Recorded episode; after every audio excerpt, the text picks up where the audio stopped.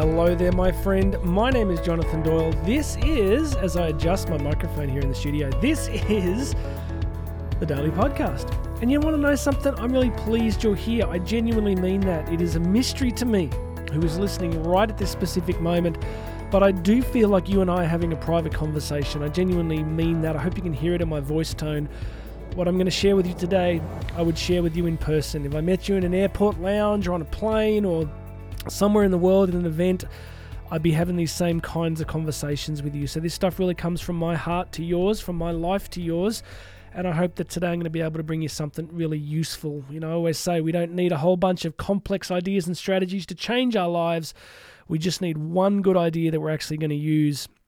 And I want to talk to you about one today. I want to go on a bit of a journey with you and see what you think about what I'm going to share. Before we do that, please make sure you've subscribed. If you're a regular listener, please hit that subscribe button and go and check out all the links. My Instagram account's there, my LinkedIn account. I just reopened those recently, so I'd love uh, love you to come and join me. So check those links out, and of course, if you'd like to check out the YouTube channel, there'll be a link there.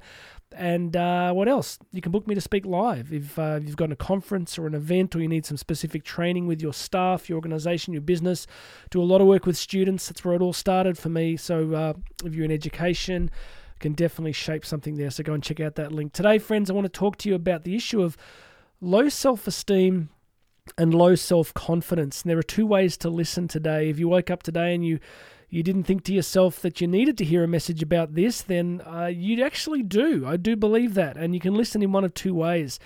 You can listen like most of us who struggle at times with low self esteem and self doubt.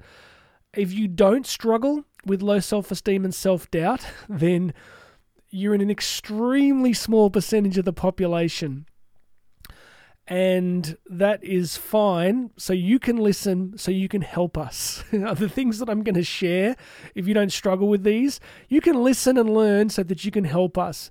Even though you're in about the category of maybe 1%, I'm going to call you the 1%ers because the other 99% of us have struggled in life with low self esteem and self doubt and fractured self worth. Now, I can promise you, my friend, from experience coaching at the highest levels of coaching executives responsible for markets worth billions of dollars, and I've done that. I've sat across the table, uh, you know, coaching people responsible for billions of dollars in market revenue. And I remember one specific time years ago working with this amazing woman who reached out to me because she really struggled with imposter syndrome. She really, I, I shouldn't laugh I don't mean that flippantly. It was just when I met her and worked with her, it was just such an eye opener because here is this competent, educated, you know, capable woman who just had this sense that she didn't really belong there and she didn't deserve to be there and that she she was telling herself this story that she'd kind of been assisted there by a few nice people along the way. You know, it didn't occur to her to say, well, why, why did these people help you? What did they see in you? you know, because they obviously saw something and she hadn't even made that connection. She was like, no, no, really, I, I don't know why I got here, and I'm worried that it's all going to fall apart. That's classic imposter syndrome, right? That all of a sudden, all the people that we've been fooling are suddenly going to go, oh, you know, you're not, you're not good enough. You know, even yesterday, I was out on a training run early, and I was listening to Les Brown, who I really like. And Les Brown was was one of the greatest speakers in the sort of 70s and 1970s, 1980s really great speaker, beautiful heart, African American man, just wise and good and deep heart for people. And he he had this experience. He was abandoned in, as a child. He couldn't read for many many years, and he was labelled as educationally delayed. They had a different term for it back then, but basically told that he was mentally defunct and never gonna, you know, basically disabled. And so he fought and fought and fought and built this career, but he really struggled if he had to walk into a room with college educated people. Because in his mind, he had this story, which was college educated people are just so brilliant and I don't belong in this room. Despite the fact that he had so much to give, so much practical wisdom, he his self worth had this one story that, you know, he was going to be exposed, that he was going to be, you know, really exposed as inadequate. Isn't that a great fear for all of us? It's a deep fear that we carry. And you've heard me say this so many times on the podcast. We carry that fear because of evolutionary psychology. The greatest fear that we had as a species was being cast out of the group. Hope you know this. I'm just going to hit it really quickly, but we've got to get our heads around this. We evolved in small groups, right? We evolved in little tribes. We didn't evolve. We didn't evolve in megacities. One of the most, the worst thing that could happen to you would be to be cast out of the tribe. Even you see those reality TV shows, you know, around what was it, Survivor what's what's the worst thing that happens? You get kicked out of the tribe. You get voted off the island, right? Because as a species, it was impossible to survive if you were cast out on your own. You see, we evolved as a species for cooperation. I often say this when I do live seminars. I take people through some really good stuff on this. We've evolved for connection, belonging, and acceptance. We need acceptance from the group. So, one of the worst things, that fears that we carry from our evolutionary background is this fear of rejection and being, you know, cast out and not appreciated and not wanted. It's a very great fear. And, you know, so that was Les Brown's right to be this brilliant man, to have so much to offer, but just have this one fear that I'm not good enough. Low self esteem, low self worth in that one context, right? And I was thinking the other day, I've been doing a heap of work in the artificial intelligence space. So I'm doing a separate seminar program helping people really come to understand the the overview of artificial intelligence, what it means for us. And I was I was out training somewhere, and I thought, oh, I was looking at a couple of companies that I'd like to do some work with, and I thought, I had this thought, I'm like, oh, but what if there's like some real IT geeks in the room? What if there's like people in there that understand what an exaflop is? do you know what an exaflop is? It's a lot of data, a lot of data. Like think of a lot of data and then double it. It's more than that.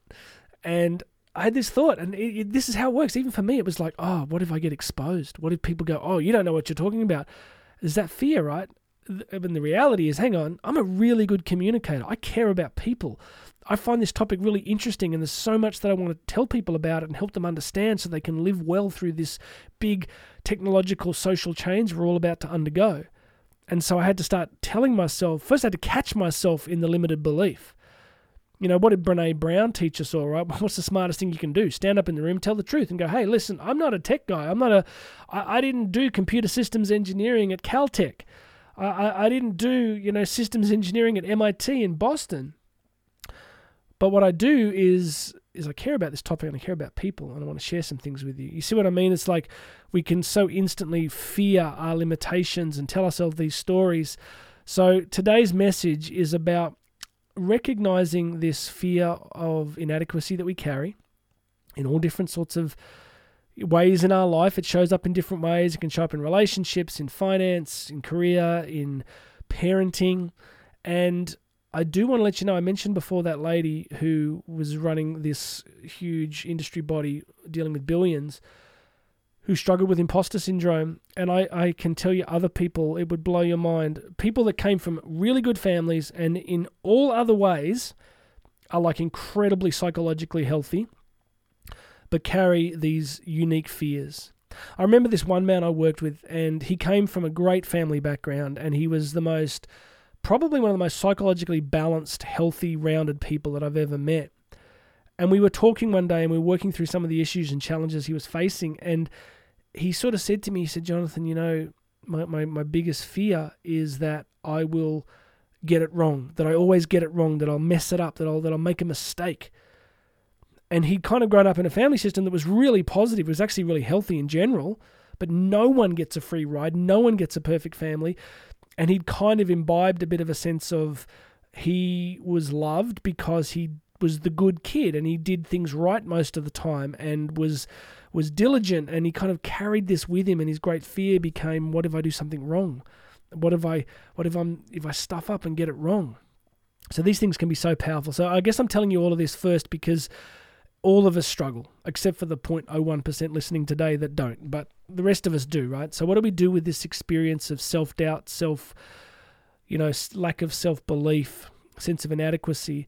Well, first point is we're not born with it, right? No baby comes into the world thinking to themselves, I wonder if I'm enough. no baby evolves, you know, and, and, and as we grow as little children for a long time, we're the center of attention. It pretty much, you know, I remember Tony Robbins used to talk about this, like, when you're a baby, like if you just, you know, go to the bathroom in your nappy, your diaper, for my American friends, people congratulate you. You're like, wow, you did that. Well done. Or you learn to walk, you know, and you fall over on your face 10 times and people are clapping. Imagine in our careers if we just like fell over flat on our faces and everyone's like, yeah, well go, well done, you go for it. So we, we have this season in life where we are everything we do just works and everyone rewards us all the time and then we of course move into later childhood and then adolescence and of course the teenage years where we can be really hurt and damaged very easily just by rejection. So what happens, I think, well, firstly, we're not born with these these fears of inadequacy and low self worth, but then life happens, right? And life happens, and all sorts of difficulties and problems happen, and then we draw meanings from those things. So this is how the process works. We draw meanings from them. So we experience hurtful, you know, conversations and bullying, or all sorts of different experiences, loss, separation, abuse, trauma we infer meanings from those experiences, and then we can end up carrying these wounds of low self worth and low self esteem. So, what do we do? Well, I'm going to try something today with you that I think is a little, little revolutionary. I don't know what you're going to think, but I am beginning to wonder if this might be a powerful way out of it. And the suggestion I'd like to make to you, if you struggle at any place in your life with these sense this sense of low self-esteem, self-doubt, any of this is to remind you of a skill that you had many many years ago that might be able to serve you once again. If you were to open the metaphorical cupboards of your psyche and dust this thing off and begin to see if it might serve you once again. And what is that thing? Well, do you remember when you were young? You had this remarkable ability for make believe. You had this remarkable ability to do things like create imaginary friends and have long conversations with them. Or do you remember that time that you thought you were Superman or you were Barbie or you were Super Barbie or whatever? Do you ever remember that? Do you ever remember your ability to create a separate identity? Do you ever remember that ability that you had to indulge in fantasy and make believe and live and, but do you remember how compelling it was, how believable it was for you? I'm trying to think back through my own life, you know, different different things that I used to really be into or believe. I remember I was really into playing soldiers as a little kid. I just I was into, you know, me and my friends, we'd just like go to old building sites around where we lived and you'd make guns out of, you know, bits of timber and stuff and you'd have these battles. And I was there. Like, as far as I was concerned, I was on the front line. You could tell me it was like, you know, well, this isn't really happening. Well, it was for me.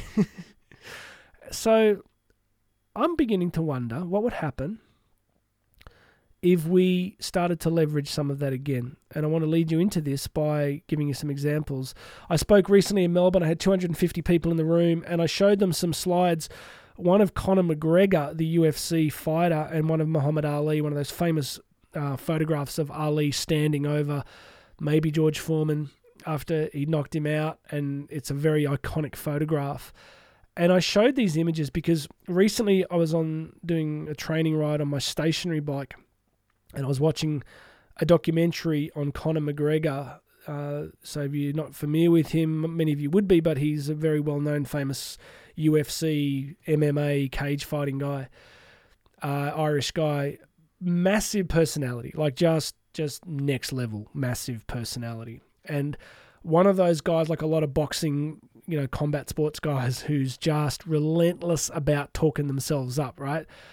And I, the little that I knew of him, I just found that nauseating originally, right? I'm like, oh gosh, another one of these guys, just like, I'm the greatest, I'm this, I'm that. But I began to get a little bit curious, you know. I began to sort of, it was a nuanced biography, uh, documentary, and it sort of gave you a bit more layers to his personality. But what I was struck by was this sudden realization where I went, he actually believes this. He actually believes this. He genuinely believes these things about himself.